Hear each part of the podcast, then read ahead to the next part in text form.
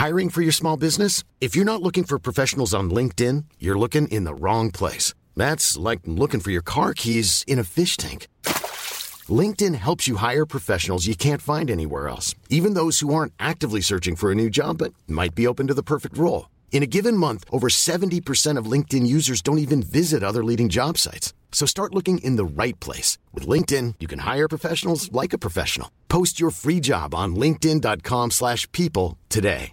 Ryan Reynolds here from Mint Mobile. With the price of just about everything going up during inflation, we thought we'd bring our prices down. So to help us, we brought in a reverse auctioneer, which is apparently a thing. Mint Mobile unlimited premium wireless. Ready to get 30, 30, bit to get 30, bit to get 20, 20, 20, bit to get 20, 20, bit to get 15, 15, 15, 15 just 15 bucks a month. So, Give it a try at mintmobile.com slash switch. $45 upfront for three months plus taxes and fees. Promo rate for new customers for limited time. Unlimited more than 40 gigabytes per month. Slows. Full terms at mintmobile.com. Wow. Nice. Yeah. What you're hearing are the sounds of people everywhere putting on Bombas socks, underwear, and t-shirts made from absurdly soft materials that feel like plush clouds. Yeah, that plush. And the best part? For every item you purchase, Bombas donates another to someone facing homelessness. Bombas. Big comfort for everyone. Go to bombas.com slash ACAST and use code ACAST for 20% off your first purchase. That's bombas.com slash ACAST. Code ACAST.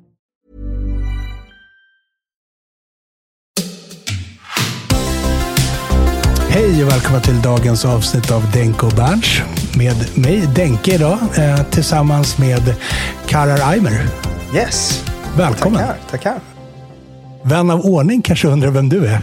Jag tänker att, du, om jag lite, lite kort, du, du är mannen bakom både Instagramkontot IFL Watches och but- webbutiken IFL Watches. Jajamän, yes. Det stämmer bra. Välkommen. Tack, tack. Det är skönt att vara här. Ja, vi, vi är ju faktiskt, formellt sett så är vi ju hos dig. Jajamän. Kanske inte hemma hos dig, men vi sitter ju i, er, i eran studio som ni Yes. har när ni spelar in YouTube-videos och produktfilmer. Ja, absolut. Eh, Det är här vi producerar en hel del av vår content. Så att eh, vi lånar contentrummet till eh, denna podcast. I dagens avsnitt tänkte jag att vi skulle göra en liten så här entusiastprofil på dig. Jag vet inte hur profilerad du känner dig som så här klocknörd eller om du mer är profilerad som klockentusiast och influencer på Instagram och butiksinnehavare eller sådär. Men jag tänker vi kan väl försöka bena ut det lite. Jag, jag personligen, eh, jag vet inte, jag, jag ogillar ordet influencer. Eh, eh, Jag skulle väl säga, jag skulle kalla mig själv för klocknörd. Ja. Jag, jag älskar klockor. Sen, sen är jag nördig på mitt sätt när det kommer till klockor. Ehm, det finns ju olika profiler, liksom, olika typer av klocknördar. Ehm, men ja, det, det, är en passion. Jag älskar klockor. Liksom. Det, så skulle jag profilera mig. Det där är faktiskt rätt intressant. Alltså, men jag tänker, ofta pratar man om klocknördar som liksom en typ av figur. Ja. Men det, är det kan ju vara så väldigt mycket faktiskt. Absolut. Så. Absolut. Nej, men jag har ju eh, liksom vänner och bekanta som är klocknördar som väldigt mycket liksom, inom en specifik nisch utav klockor. Liksom, det kan vara vintage eller det kan vara eh, lite sådana grejer. Jag är liksom nördig lite på annat sätt. Jag gillar att hålla mig uppdaterad om vad som sker idag. Hur, hur har marknaden rört sig? Jag, jag gillar liksom de detaljerna. Eh, så jag är lite mer nördig åt det hållet. Jag har ju sett en del av dina YouTube-videos. Så Yes. Det känns som att du är väldigt fokuserad på nyare klockor. Ja, det skulle jag säga. Eh, vi hade en, eh, jag och min tidigare kollega Alex gjorde ganska många eh, YouTube-avsnitt. Och han var ju den som var väldigt så vintage-håll. Medan jag var den här som höll koll på vad händer nu? Eh, hur jobbar de olika varumärkena i dagsläget? Hur, och sen har jag, jag älskar ju Rolex, så att det eh, sticker inte under stolen med. Och det, Varför då, höll jag på att säga. varför då? Ja, jag vet inte. Jag tror nog det kommer från eh, tidig ålder. Eh, bara liksom Rolex som varumärke, hur, hur de har liksom lyckats. Eh, och det kan upplevas tråkigt liksom, av klockentusiaster att vadå, bara fokus på Rolex. Liksom. Men eh, ja, där, där känner jag mig ganska nördig. Liksom. Där håller jag stenkoll på hur de rör sig liksom, i närtid och har gjort eh, i närtid, så att säga. Har du något så här första liksom, minne av, när, när, när stötte du på Rolex? När kände du att Rolex var det shit första gången? Var det när du var fem eller var, Ja, nej, inte så pass tidigt. Eh, jag tror nog säkert, eh, det var på äldre dagar jag började förstå liksom Rolex. Eh, så, eh, jag, var, jag var ganska tidig med att eh, liksom uppskatta klockor. Eh, mitt första klockminne var när jag var 14 år och var med min far i Dubai och fick en, då en, en Casio som jag älskade. Det är så roligt. Det är så, det är så sjukt många som har fått första klockan är ofta en Casio. Ja, absolut. Kommer du ihåg vilken modell det var? Eh, det, det, var den här lilla med miniräknaren. Jag älskar eh, matte ah, okay. och jag såg den och jag bara, jag vill ha miniräknare på, på vristen. Liksom. Mm. lite nördigt, lite töntigt, men eh, det, det, den älskade jag. Och den hade jag i några år, sen vet jag inte riktigt vad som hände med just den klockan. Eh, och sen fick jag väl Eh, lite mer eh, förfinad smak eh, lite senare. Eh, och eh, då fastnade jag. Då började jag titta liksom, på de här high-end varumärkena. Eh, jag gillar Omega också mm. väldigt mycket på grund av historien och så vidare. Men Rolex fångar mig på ett annat sätt. så att Rolex skulle jag säga är favoriten. Vad var det som fångade då? Vad liksom är det... Om, man, om vi bryter ner det lite. Ja absolut. Eh, det som jag tycker är intressant, det är hur ett varumärke kan eh, lyckas eh, marknadsföra sig över så pass lång tid och alltid vara eh, liksom, framgångsrika med sin marknadsföring. Och vad betyder framgångsrik marknadsföring? Det kan man också definiera. Eh, att de har eh, möjligheten och eh, höja sina priser till exempel årligen och har gjort det jag vet inte, hur långt tillbaka. Mm. Eh, det, det, det, har sån kraft, tycker jag, som varumärke, som brand, att, eh, att kunna åstadkomma det och fortfarande liksom bibehålla och växa och bli större och större. Och inte om du kollade till exempel på förra året, hur mycket de växte gentemot året innan det. Eh, ett företag i den storleken som mm. ökade sin omsättning med nästan 100 procent de gick från 4 miljarder till 8 miljarder i omsättning. Det är helt bisarrt, tycker jag. Så det är så sjukt. Jag, det är jag, riktigt jag, sjukt. Jag är, jag är så otroligt dålig på att följa sånt där. Ja. Faktiskt. Jag sitter mest på att kommentera nya modeller och tycker att det är tråkigt med en löftig. Jag förstår. Men, men det där är ju, det är ju en otroligt fascinerande del av klockbranschen. Absolut. Och jag tänker även eh, liksom all... Som, som jag har förstått så säljer ju Schweiz säljer ju färre antal klockor nu än vad de gjorde under när alla, när alla i Schweiz jobbade som, alltså innan kvartskrisen, ja. så sälj, man säljer ju färre klockor nu, färre antal, men okay. man tjänar mer pengar på klockorna. Så man har ju gjort den här liksom lyxresan. Ja. Eh, och det där är rätt häftigt. Det där är väl Rolex? Ja, verkligen. Ja, alltså Rolex, Omega också. Eh, om man tittar liksom i toppen, vilka är det som rör sig? Vilka kommer in i toppen också? Mm. Det tycker jag också är väldigt intressant att AP, eh, om det var förra året eller förra, förra året, klev in eh, och liksom eh, har ju haft också en alldeles absurd resa senaste mm. åren med allt som har hänt liksom inom klockindustrin och eh, hela den delen. Så att, jättekul att följa och se liksom vilka blir de här unicornsen, en miljard i omsättning, mm. eh, bolagen. Och, jag, jag är en sifferkille, så jag tycker sånt här är fett mm. kul. Liksom, vilka tror du? Vad sa du? Vilka tror du då? Vilka är unicorns inom två år? Alltså, det, det, det, man ser till exempel från FB Jorn, eh, frågan är bara hur, eh, hur stor den inre kretsen av klocknördar är egentligen. Mm. Men eh, jag tror eh, om du pratar med gemene man på gatan och visar honom en FB Jorn utan att han riktigt förstår liksom, bakgrunden och sådär. Så rent designmässigt tror jag inte att den pratar till folk så som en Daytona gör eller som en Submariner gör till mm. exempel. Ehm, men eh, om den inre cirkeln är tillräckligt stor så tror jag nog FB Jorn kan vara nästa eh, billion eh, bolag, så att säga. Det där är kul. Det där är, det där är ett kul tips. Jag har aldrig hört någon tro så mycket på det varumärket faktiskt. De, de har ju haft, de har ju liksom, det har gått riktigt ja. bra för dem. Eh, jag gillar dem som 17. Jag tycker de är ja. riktigt fina. Det, men jag känner ju också att det är väldigt mycket acquired taste, jag.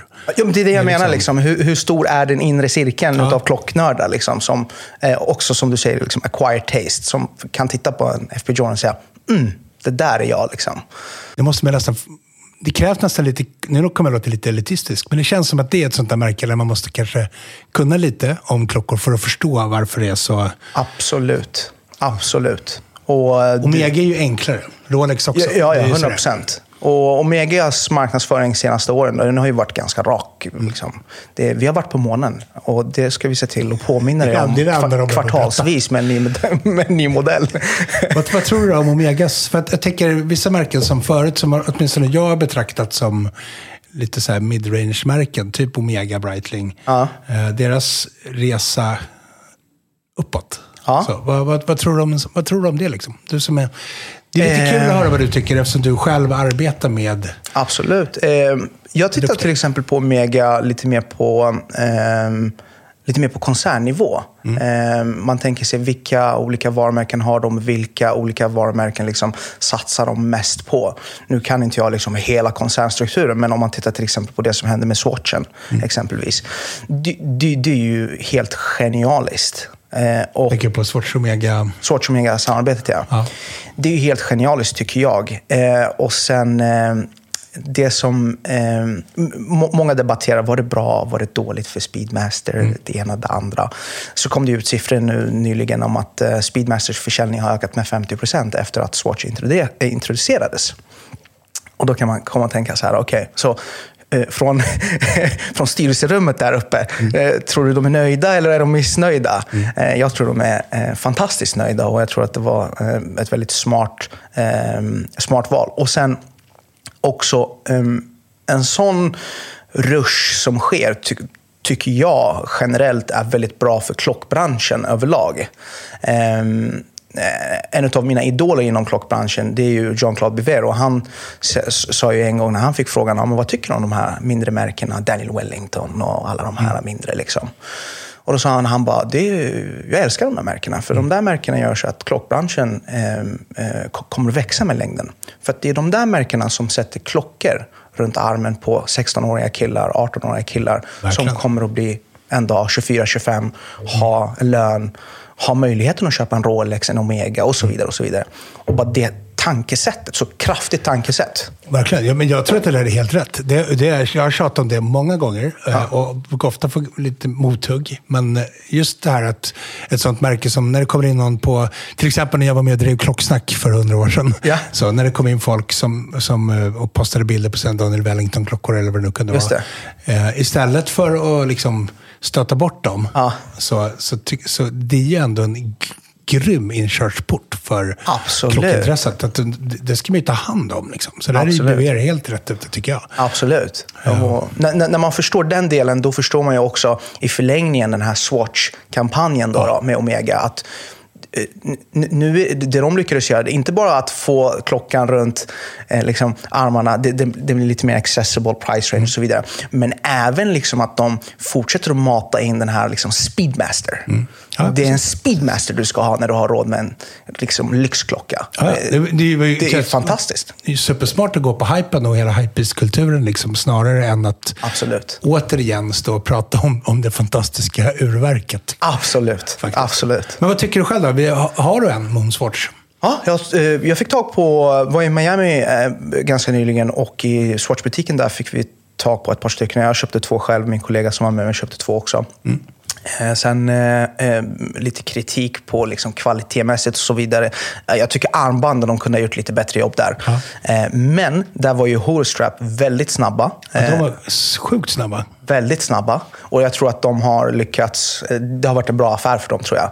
Eh, nu känner jag han lite grann så att jag frågade liksom, kan du skicka någon strap eh, till mig på, eh, på de här två modellerna som jag har? Och så fick jag en drös straps. Och, så satte jag på de här strapsen och hade på mig klockorna. Och det är ju jäkligt kul. Och det blir en sån här klocka mellan två klockkännare. Så jag förstår om jag ser dig ha på dig en sån, att men du har någonting där hemma. Du har en heavy pjäs någonstans, du förstår klockor. Eh, speciellt om man ser, liksom, när man hör och lyssnar på allt det här med rån och liksom risker och hela den delen. Då, då- blir det nästan roligare, okej om jag ska ha på mig någonting som jag inte bryr mig om på, på samma sätt. Eh, ska jag ha på mig bara, liksom, jag kan inte gå ner till en Daniel Wellington, det, det kan jag inte göra. Men en, Varför inte? Nej. men en sån kan jag liksom, det, det kan jag ha på mig och ändå känna mig liksom att ja, men, den som vet, den vet. Liksom. Eh, Det är lite en sån klocka också. Men var det så mycket kritik mot dem? Det var det va? Ett tag? tyckte Eh, jag folk kring kvaliteten? Ja, kring, alltså, kring konceptet och kring kvaliteten och sådär. Eh, Ja, konceptet fick ju, det blev ju bashat ganska ordentligt där i början. Men å andra sidan, om man kollar på klockbranschen i helhet så är det ju mer liksom, regel än undantag att ett sånt drag ska bli lite bashat. Ja, ja. Ehm, och, men jag tror att de har landat rätt i det över tid eh, nu. Ehm, först verkar de vara osäkra själva. De bara, ja, vi, på deras egna Instagram-konto gick de ut och kommenterade om att den här kommer online och så gav de ett datum till och med på det. Och jag började kontakta dem för jag ville ju köpa den. De säljer ju inte den här i Sverige. Ehm, men då fick jag veta att nej, men den kommer inte komma online. Men ert egna Instagram-konto skriver i en kommentar att de kommer online och de utger datum. Har ni ingen kommunikation? Liksom. Jag började ifrågasätta dem. Ehm, men jag tror att de kanske ändrade strategi där när de märkte att nej, men vi kanske inte ska släppa den här online. Den här kanske inte ska vara readily available. Ehm, och då märkte jag också när jag var till exempel i Miami och klev in i en Swatch-butik. Ehm, det, det, det kändes lite grann som att jag klev in hos en Rolex AD eh, och ska försöka liksom, få till mig en sub till exempel. Ehm, för jag, jag frågade honom om en Tiffany, då, den här ljusblåa. Just det. Eh, och då sa han till mig, ehm, nej, eh, vi, tyvärr, jag har den inte inne, säger han då. Men eh, så började jag kolla runt på andra klockor och så vidare. Och så la jag en klassiker. Liksom. Jag bara, ah, men om jag är intresserad av två klockor här. Och så pekade jag på liksom, två 80 dollars klockor. Så hur, hur stor är sannolikheten att jag kan få tag på en Tiffany då? då? Och då säger han till mig, men låt mig kolla. Det, var så genomskinligt. Ja, ja, eh, så eh, ja, nej, men jag köpte två vanliga 80 dollars Swatch och så kunde jag köpa Tiffany. Efter fyra stycken Tag Heuer Aquaracer. Vadå, gjorde du det? nej, nej, herregud. Nej. Nej, Eller nej, det nej. kan man säkert göra. De är ju jättefina. Men, Ja, ja. Eh, Ja, men det är nej, väl så så- det brukar vara om man ska köpa en ny sportstål. Rolex. Ah, Okej, du menar så ja. Precis. Att du ska liksom, eh, gå ut med lite annat. Exakt. Använder du dem? Ja, jag har använt dem. Eh, jag, jag har faktiskt använt dem. Jag tycker de är jätteroliga. Ja. Eh, matchar med lite kläder och sådär. Eh, så att, ja, nej, men jag, jag har använt dem. Jag har haft glädje för dem.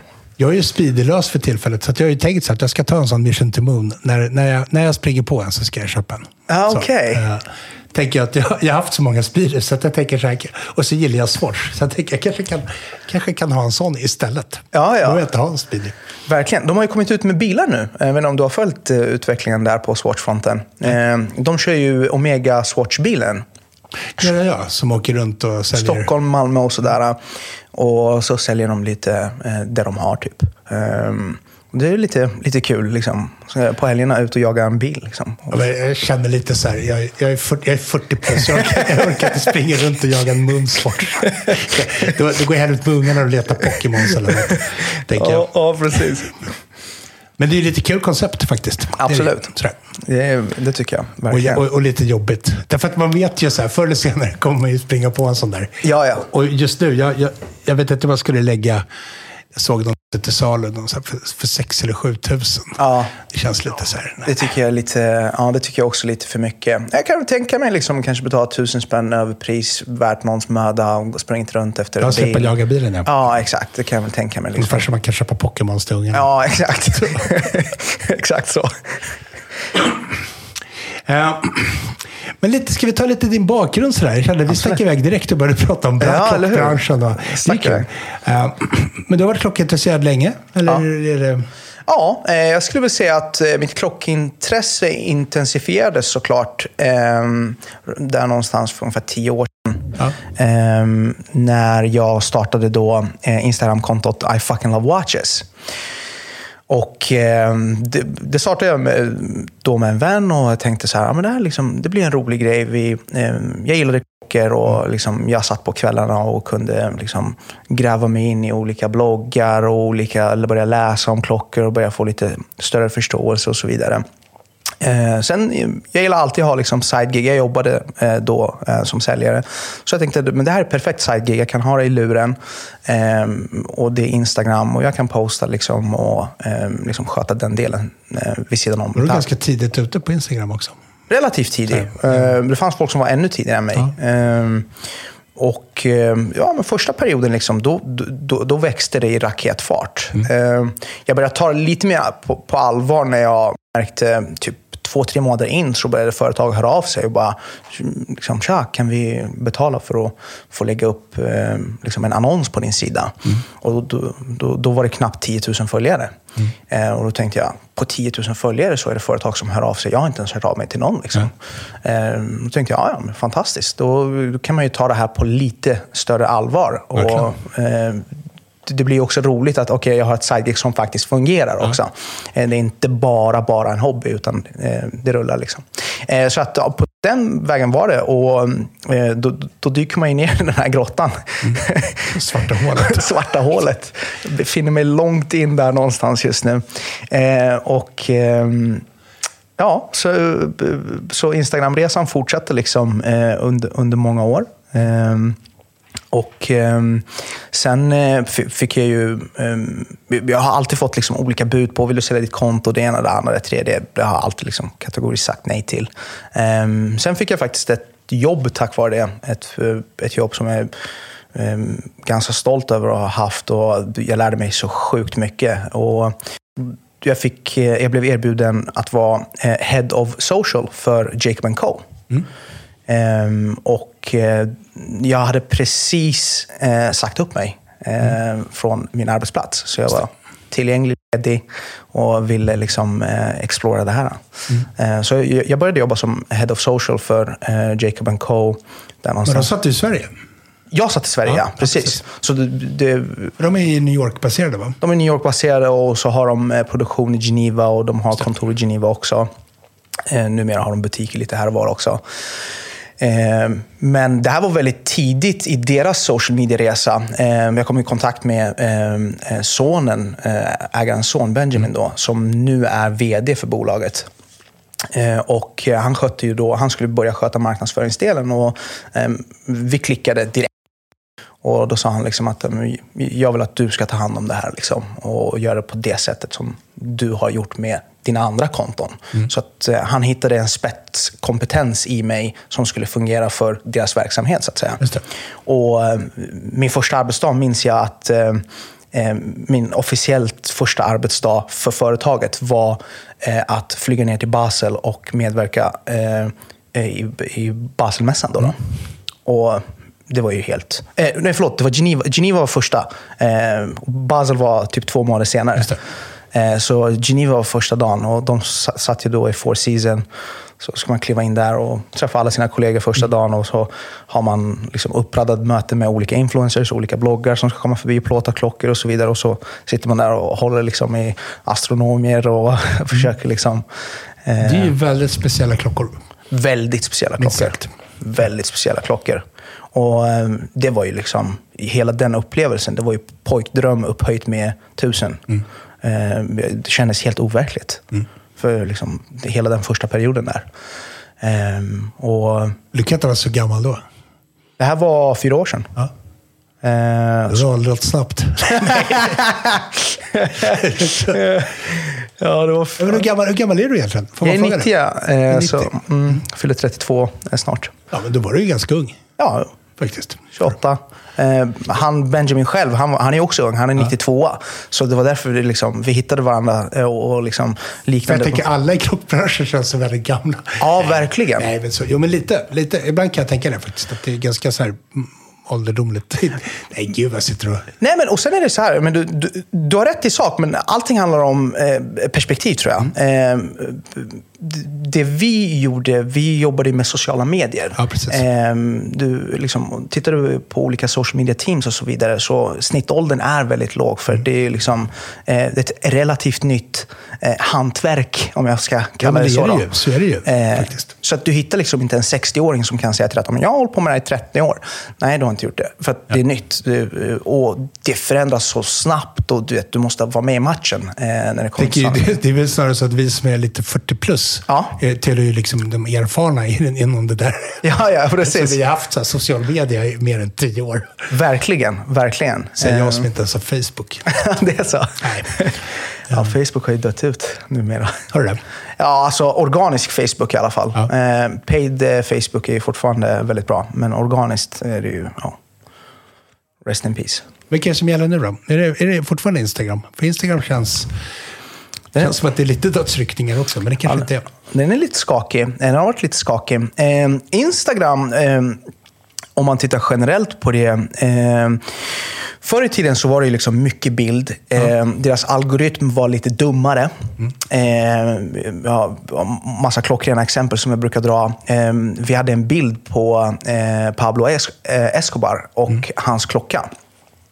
Vi postade den under två års tid, 10-12 gånger. Om och dagen. varje gång... Om dagen. Nej, men eh, liksom med jämna mellanrum. Och varje gång gick den viral.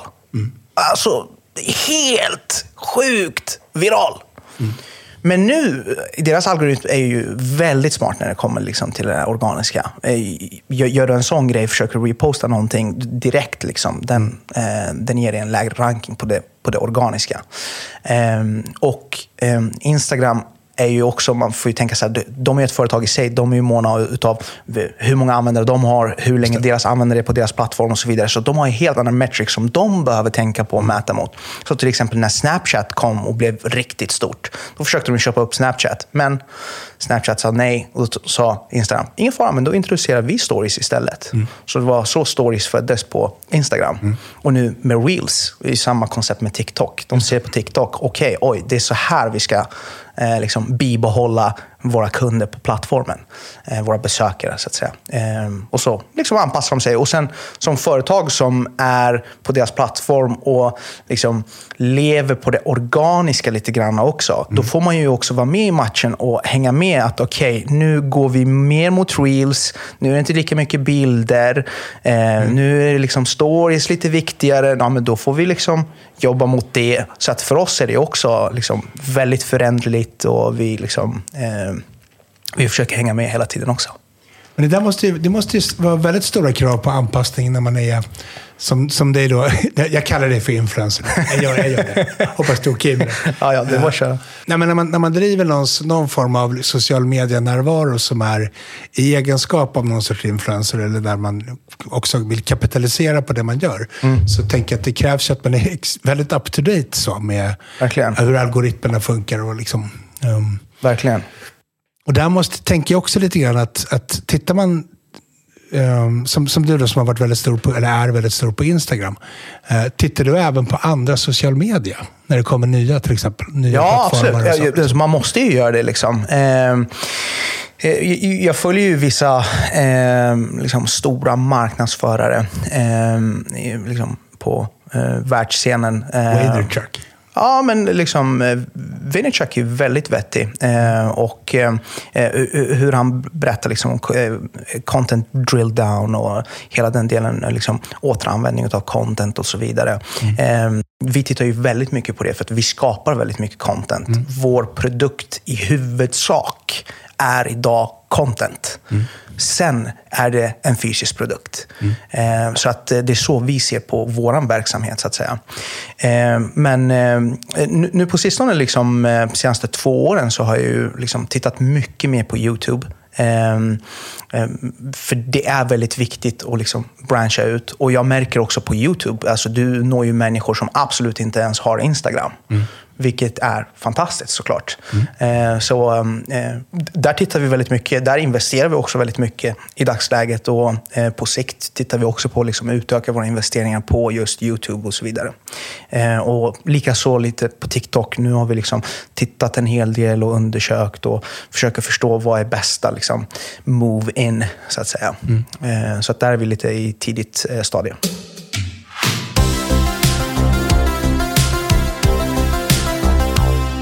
Ska vi kolla vad vi har på Ja, handleden? absolut. Eh, Ska, ska du börja eller ska jag börja? Eh, men jag tycker du börjar. Ja.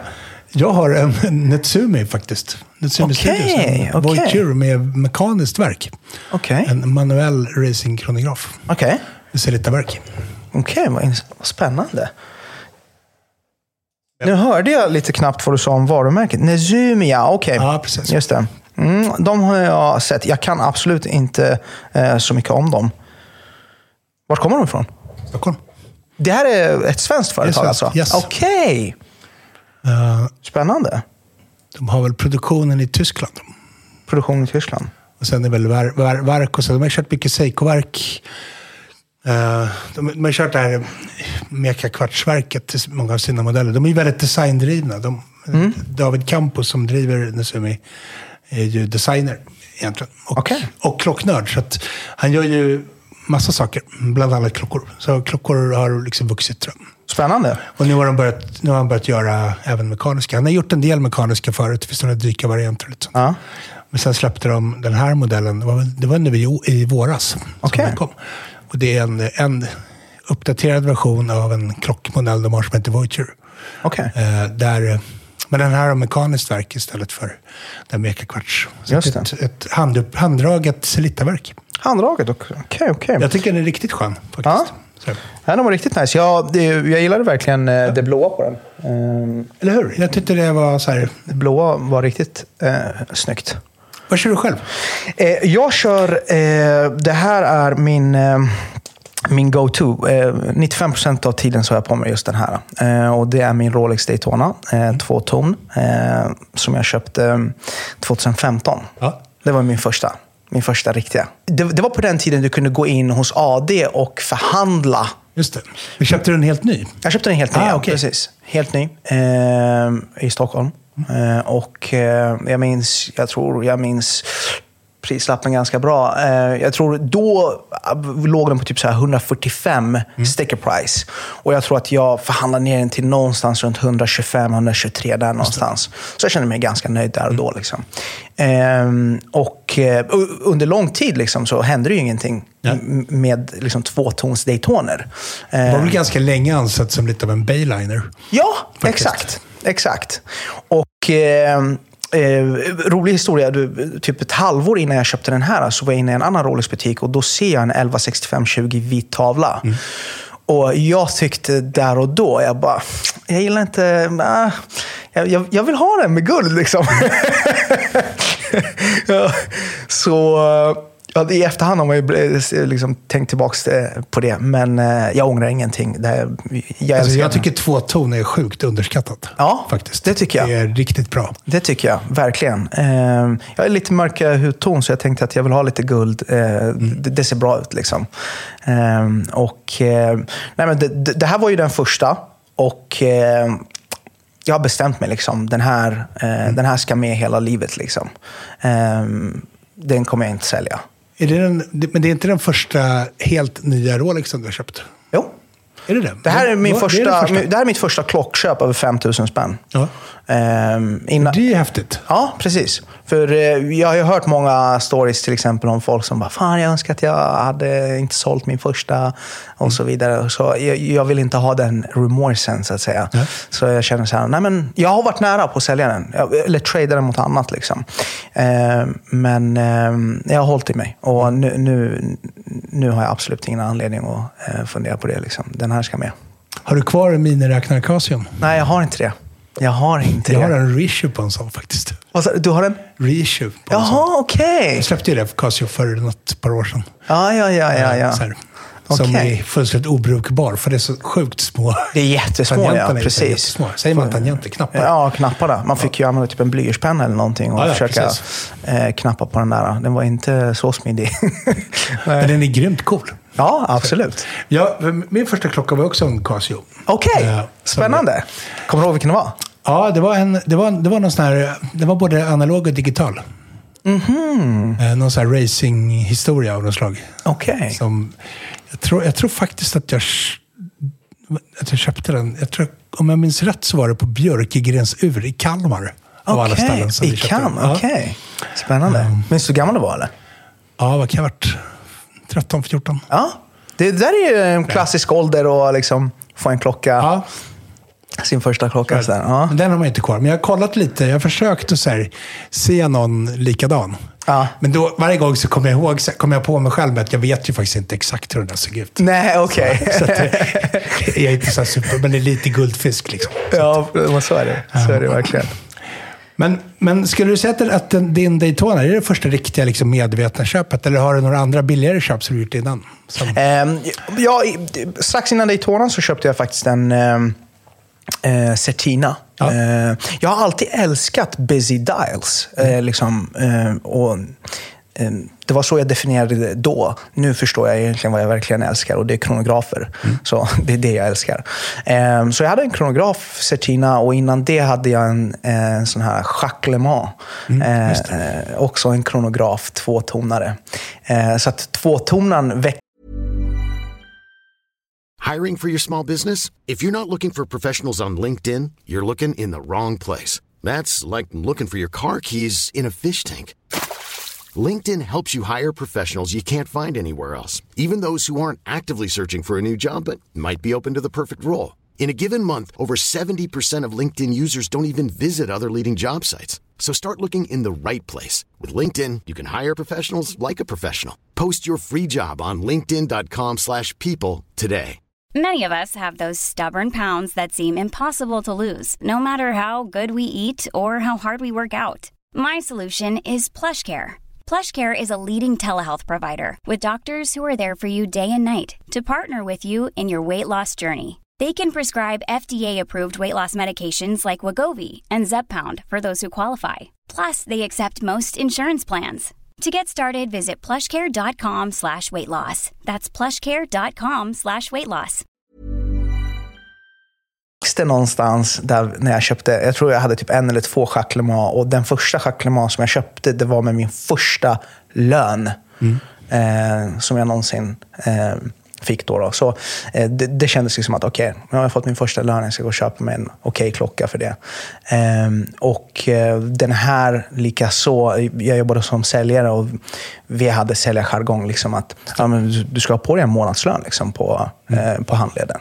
Eh, så då, då, då blev det en, eh, en Rolex Daytona.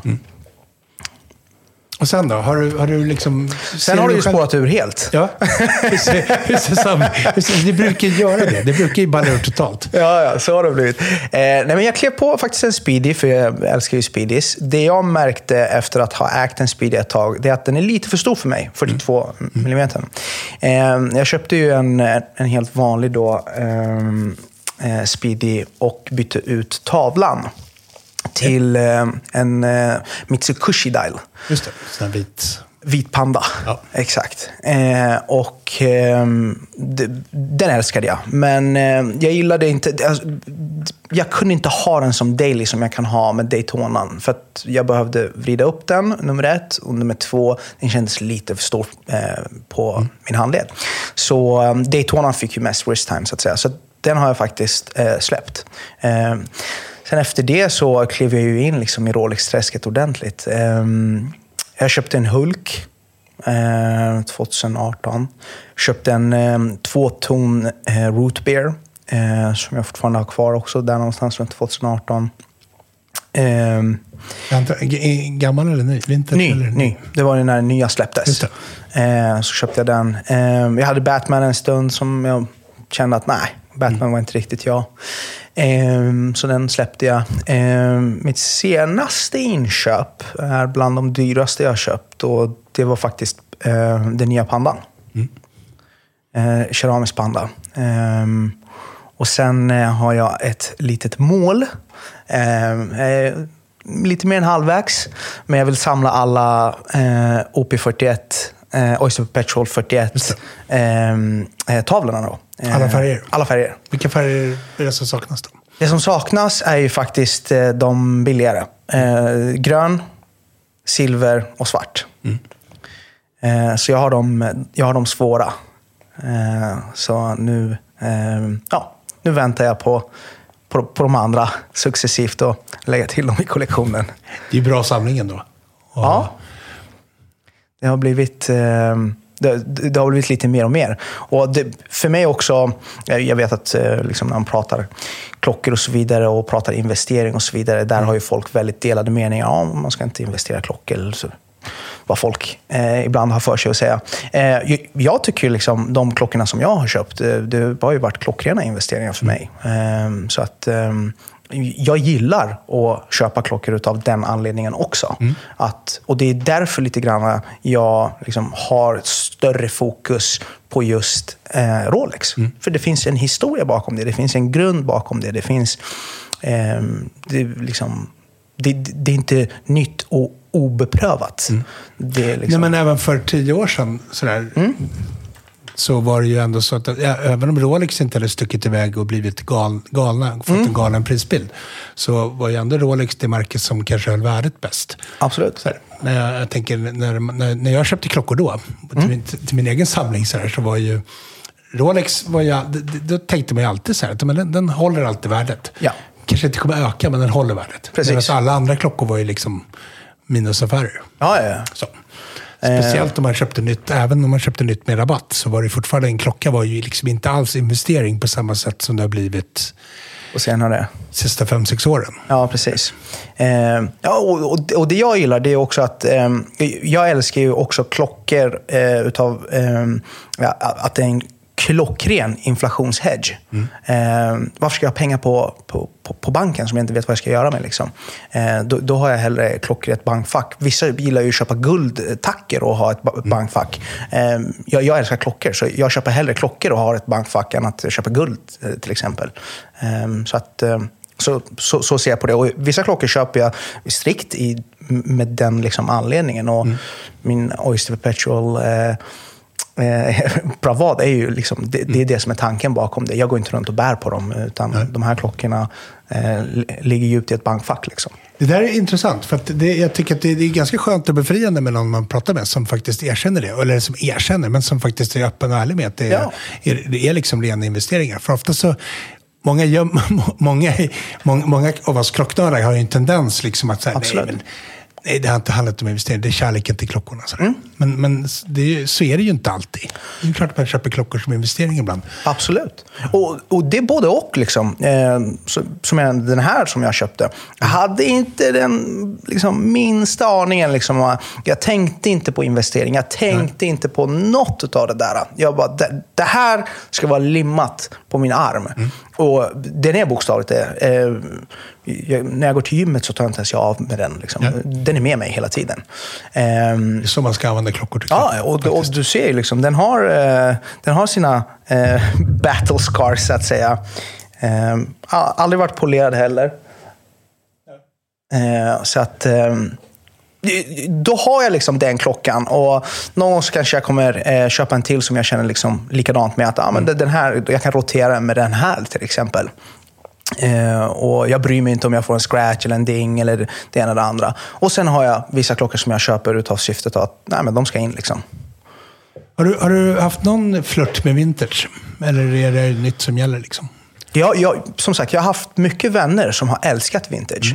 Och eh, en av mina eh, första erfarenheter med vintage, jag fick eh, en, en, kollega, en dåvarande kollega till mig köpte en eh, 62-63 Daytona.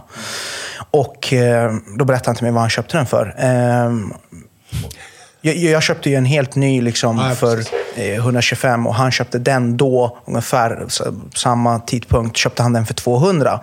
Och eh, då, då liksom, jag bara liksom tog tag i den jag- och Mm. kollade på den liksom, och kände liksom, okej, han bara, ah, jag måste byta ut eh, eh, braceleten för jag kan inte ha den här braceleten, den är lite för skör och jag började känna på braceleten. Så jag kunde ju dra ut braceleten så här. Ja, och, och jag bara, skämtar du eller? För för mig Rolex, det ska vara rob- robust. Jag ska inte behöva tänka på att den här kan flyga av när som helst. Och pratar vi de pengarna vill jag definitivt inte ha de tankarna i huvudet. Så därför så har jag liksom bara sagt, nej men det, jag tror- jag tror de är för sköra för mig. Eh, och eh, ja, visuellt sett så gillar jag det här lite mer moderna. Eh, så att jag har hamnat här liksom. Det är väl också, jag tänker på det du är inne på, det med användbarheten. Att man Ja. vill kunna använda sin klocka. Det var också ett av skälen till att jag själv inte är lika vintageinriktad som jag var förut. Okej. Just för att jag känner så här, och det, och det behöver inte handla om att, det behöver egentligen inte handla om priset på klockan faktiskt. Det Nej. kan vara även billigare ur. Men, men just det där att jag vet att om jag har en vintageklocka, Precis. så, jag har en gammal Seiko till exempel, en gammal Seiko-dykare. Den är så här, Jag vill använda den, men jag vågar inte riktigt. Därför att om jag Ja. händer någonting så är den fucked. Just det, Då, då har jag liksom så här, jag får, jag liksom inte, jag får inte tag på en ny.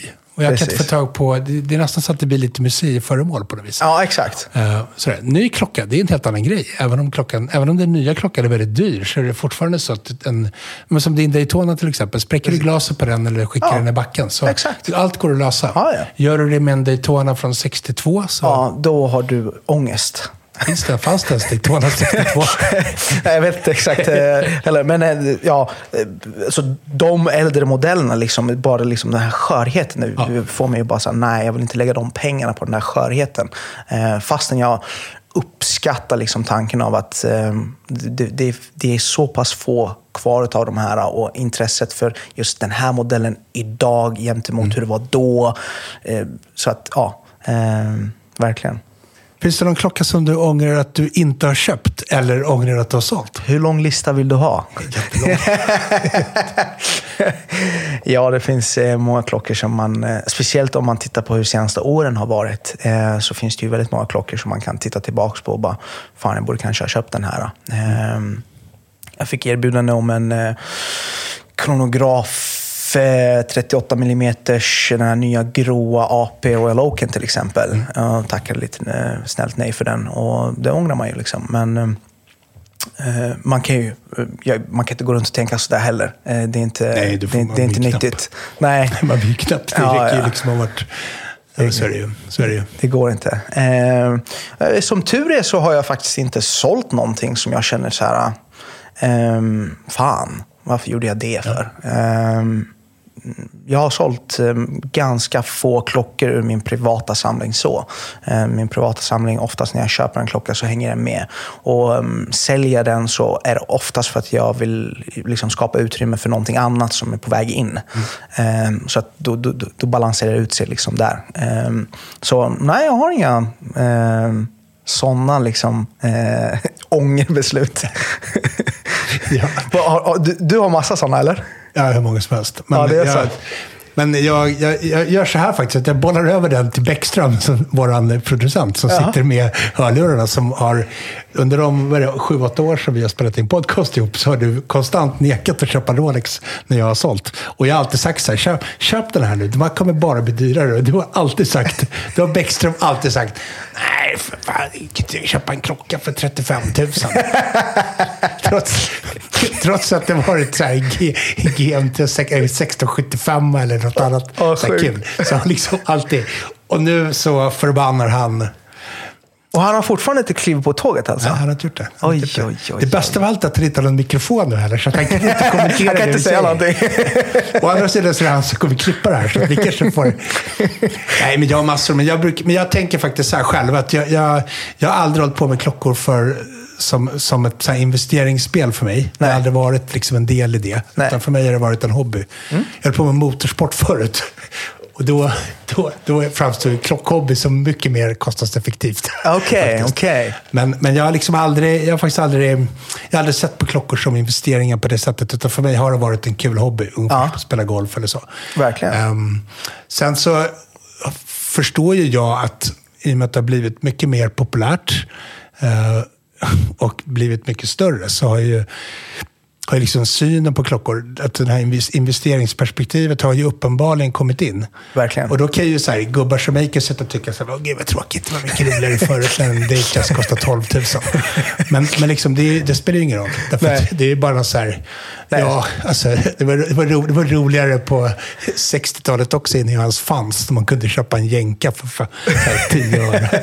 Och en krona verkligen var värd en krona. Ja, verkligen. Så, så att, det är ju bara så här, så tiderna förändras ju liksom. Så är det. Så är det. Så är det verkligen. Däremot så kan jag ju fundera på massa saker som rör prisutvecklingen. Är det liksom, hur pass mycket, är det, finns det någon inslag av tillgångsbubbel eller sådär? Men, Ja. men så tänker jag också så här, eftersom jag har klivit av Rolex Du har klivit av helt alltså? Helt. Okej. Så, så är inte det mitt problem längre. Nej, jag förstår. tänker jag. Förstår. Så här. Och det blir ju också lite så såklart. Om man har varit med när en viss klockmodell kanske kostade liksom Ja, men som Datejazz kostade 12 000. Min första Ja. Datejazz jag köpte kostade 12. Ja. Och det tyckte, så här, tyckte jag var ganska, ja, så här 12. Mycket pengar för en klocka. Shit. Samma sak med min första Speedy jag köpte. Ja. Också så här 145.000 någonting. Ja. Så jag tror jag betalade 12 500. Um, Oj, okej. och det här är inte så här, det, är- vi pratar, det här är ju liksom Det är inte när dinosaurierna gick på jorden. Det, Nej, nej, det är inte nej, nej, så länge sedan. Det, det här är liksom så här i närtid, nästan.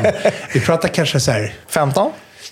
nej, inte ens 15 år sedan. Är det så? Nej, jag skulle tro att vi pratar kanske 2010. Ja.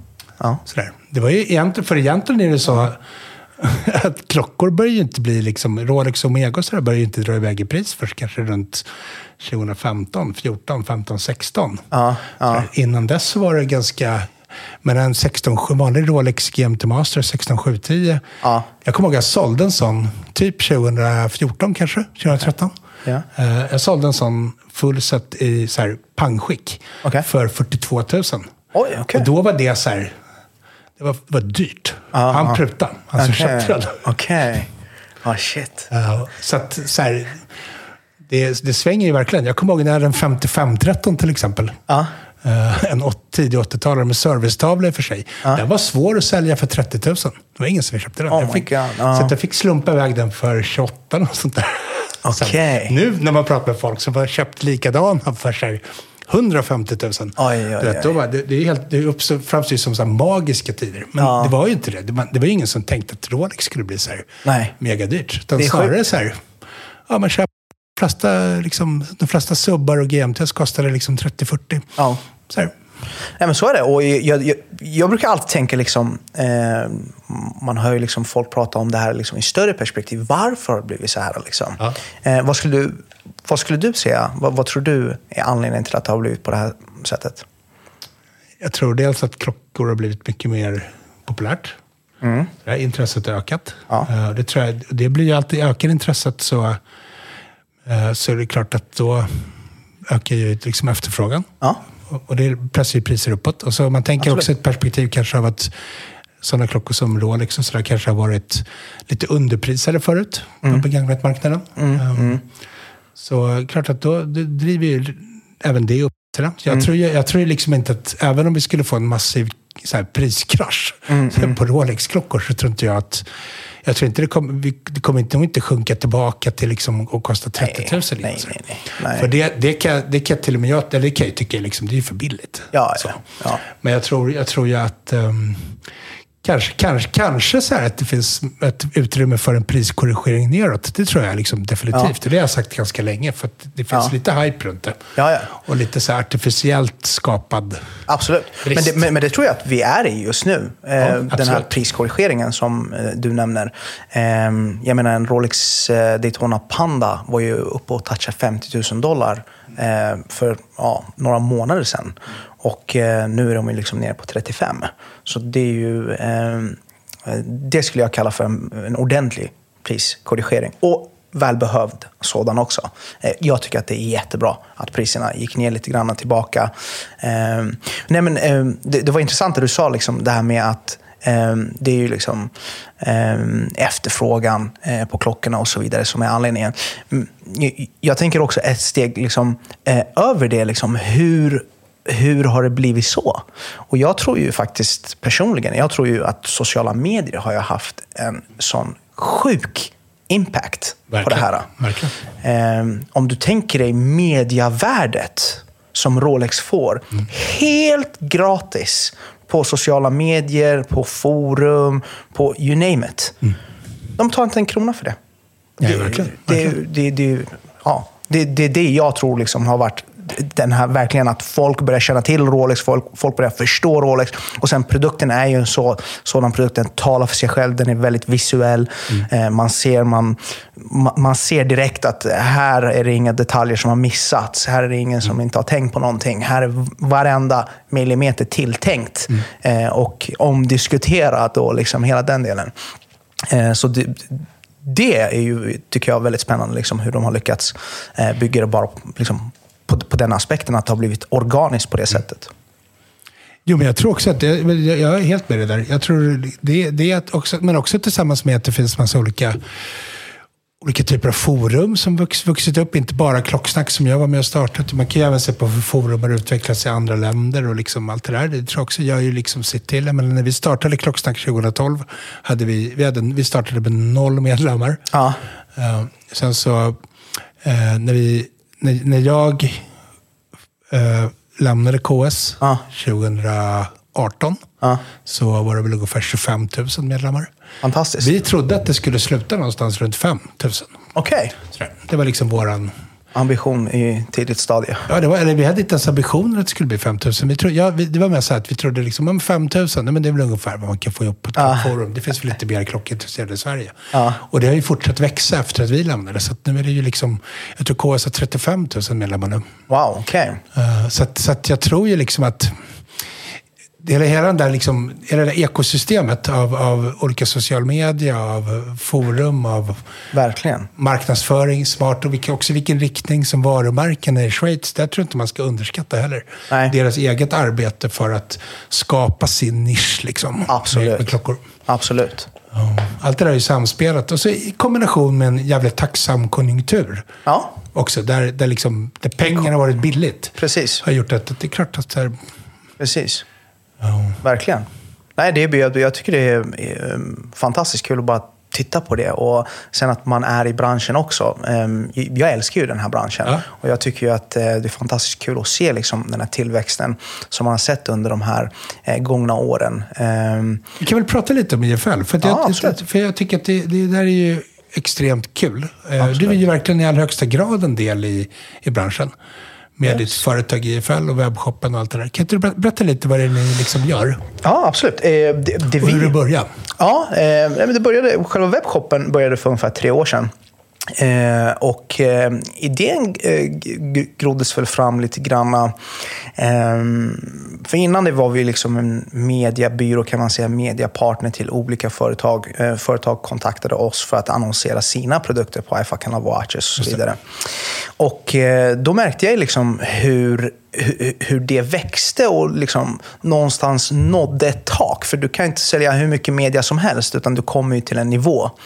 Eh, och eh, så känner jag liksom att om andra företag har glädje av att annonsera på min plattform, eh, varför är inte jag en medieköpare istället?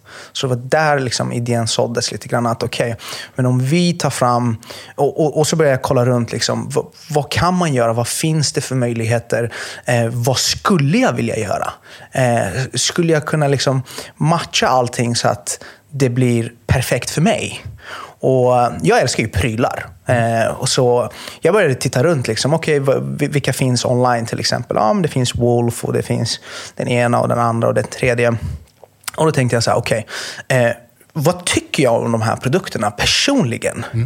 Och jag tyckte liksom mycket är ju liksom utdaterat. Om du öppnar upp Hodinkis eh, webbshop och går in och kollar till exempel på deras läderprodukter. Eh, inget där tilltalade mig. Det var liksom, eh, det, det var det här vintage. Det var det här lilla tråkiga, Gubb- för, för, gubb- gubbigt. Ja.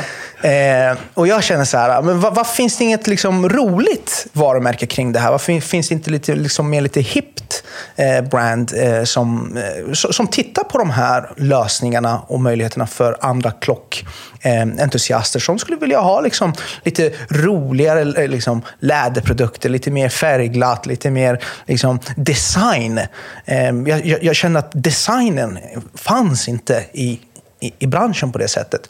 Så att där började det, då- började liksom idén växa. att Okej, eh, men låt mig börja då. Låt mig sätta upp en hemsida och låt mig testa och låt mig ta in lite olika produkter och så vidare. Och då började ju resan. Den absolut första produkten som vi tog in var ju då Orbitwinder.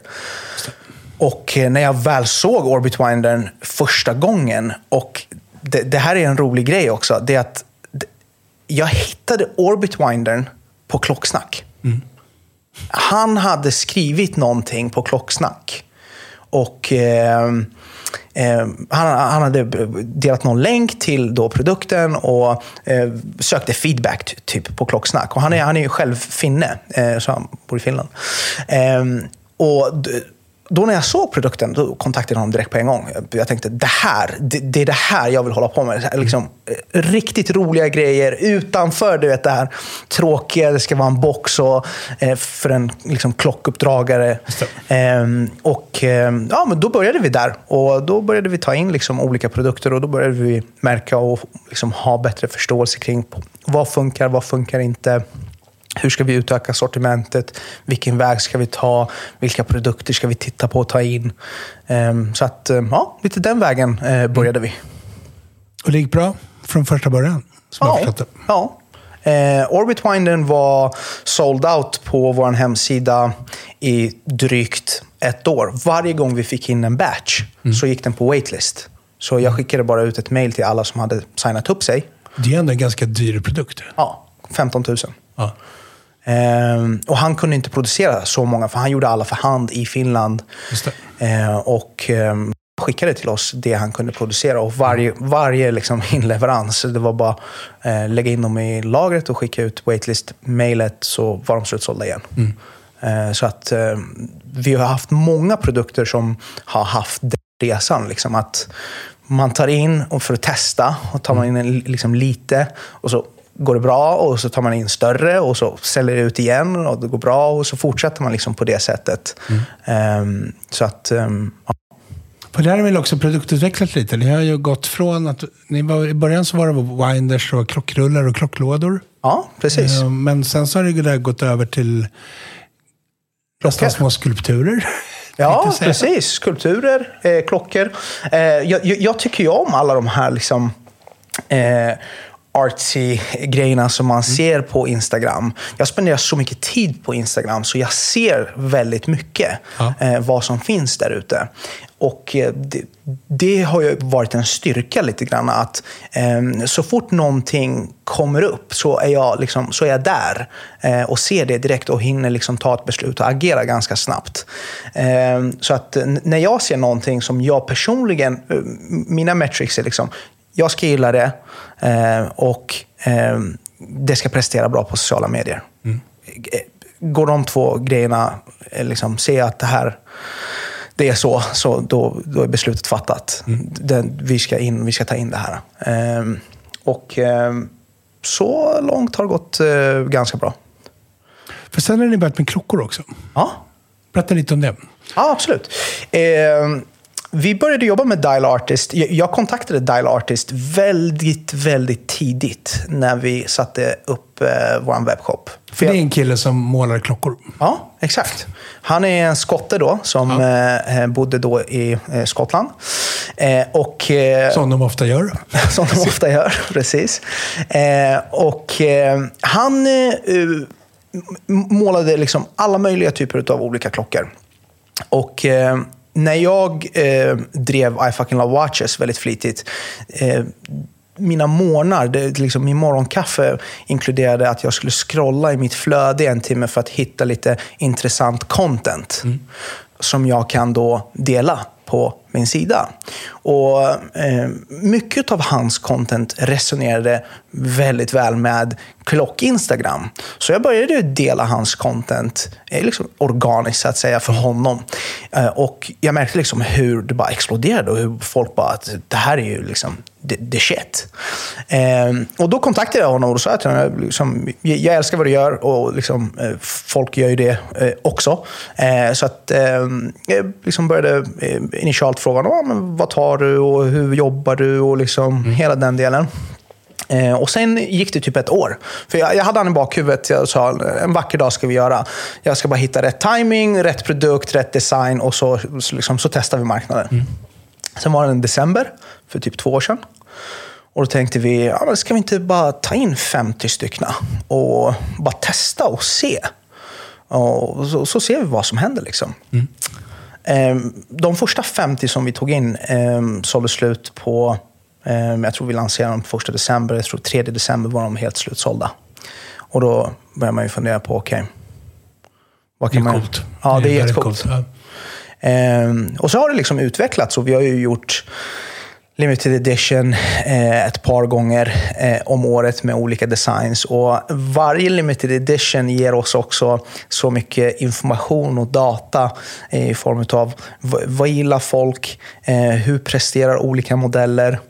Ehm, och ehm, det som jag tycker är väldigt fascinerande och coolt, det är vilka är det som köper de här klockorna? För att modellen som, som ni jobbar med, det är väl den här Casio Oak? Exakt. Som den kallas. GA 2100. Ja, precis. Ja, men det är den serien och sen har de en massa olika reffar Ja, ja, på den. precis. Ehm, så det, den började vi med och den kör vi med ehm, än idag. Och vi hinner inte ens med... Eh, Casio, liksom, de spottar ut fler modeller än vad vi hinner modda. Och liksom hinna med överhuvudtaget. Så att de är, de är långt före oss i hur, hur ofta de släpper nya modeller än vad vi gör. Eh, och eh, ja, eh, det, det, tittar vi på också, liksom, vilka är nya modeller som vi ska släppa och så vidare. Eh, men är, jag tycker att det är extremt coolt till exempel när man ser vilka människor det är som köper våra till exempel limited editions och så vidare. Um, vilka är det? Ibland är det liksom helt chockerande när man ser namnen. Eh, för mig i alla fall, jag är en fotbollsnörd också. Ja. Så eh, jag känner igen en fotbollsspelares namn mm. när jag ser den i orderraderna. Eh, en av de första som klev in och köpte vår första limited edition, det var ju då Giorgio Chiellini. Och då tappade jag det helt. Mm. Jag bara, det är inte sant. Du vet vem det är, eller? Nej. Inte en aning. Inte en aning. Inte en aning. Jag, tänkte, jag, jag tänkte nästan skrika Mats Rubart. Jag gjorde inte det. uh, Chiellini är ju liksom uh, legend i Juventus och i italienska landslaget. Ja. Uh, riktig legend. Så, um, han, han, är en sån karaktär. Uh, så att när vi skeppade vår första till honom så skeppade vi med lite presenter och ett litet brev där vi sa liksom vi är stora fans och det skulle vara stor ära om vi kunde få en signad tröja tröja utav dig. Och, och, det, och, då svarade han en vecka senare på, på mail, skickade mig mail och bara ja, tja, liksom, vad, vad är er adress? Eh, tack för mm. presenterna. Och det är den tröjan som hänger där i entrén än idag. Coolt. Så, att, ehm, ja, så har det fortsatt på den vägen. Liksom. Har Roberto Di Canio handlat? Nej. Nej. Nej, eh, men om du följer eh, fotbollen nu, jag kan väl eh, säga att eh, Haaland eh, köpte en Orbit. Eh, norsken, ja. Erling Haaland. Du känner inte till han? Härlig spelare. ja, du, du kollar inte fotboll Nej, alls? Inte längre. Jag, jag, jag, jag, jag, jag, jag liksom slutade titta på fotboll ungefär när Martin Mutumba slutade spela AIK. Jag fattar. Sen jag fattar. de blev Råsunda. Det är typ så illa för mig. Ja, okej. Okay. Jag um, fattar. Eh, ja, nej, men då, då kommer du inte... Jag, jag kan bara så här, droppa gamla fotbollsspelare. Ja, okay, Där okay. Mats Rubart. Jag fattar. Eh, nej, inga sådana. Inga sådana har jag köpt.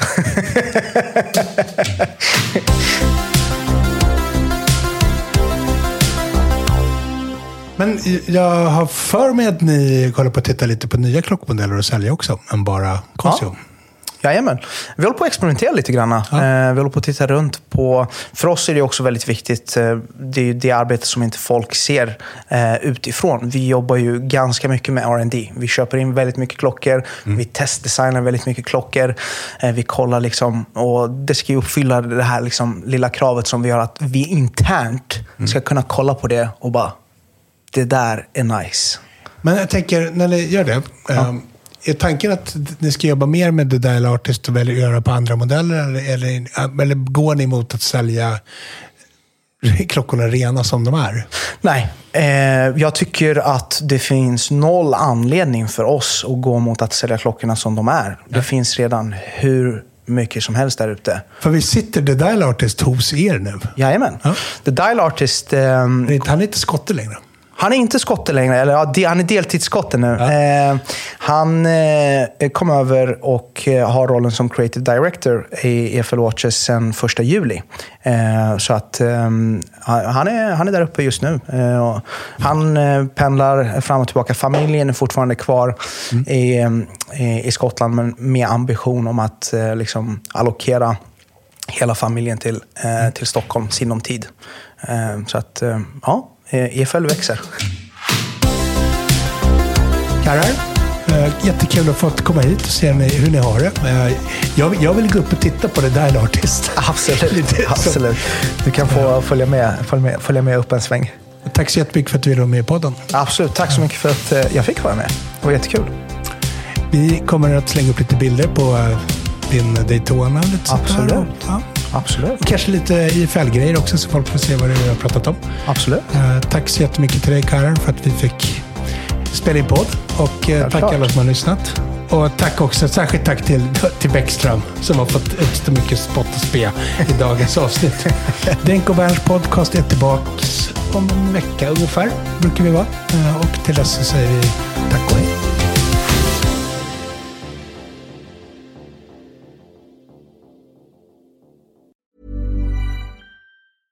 Mom deserves the best, and there's no better place to shop for Mother's Day than Whole Foods Market. They're your destination for unbeatable savings, from premium gifts to show-stopping flowers and irresistible desserts. Start by saving 33% with Prime on all body care and candles. Then get a 15-stem bunch of tulips for just $9.99 each with Prime. Round out mom's menu with festive rosé, irresistible berry chantilly cake, and more special treats. Come celebrate Mother's Day at Whole Foods Market. Hey, it's Paige DeSorbo from Giggly Squad.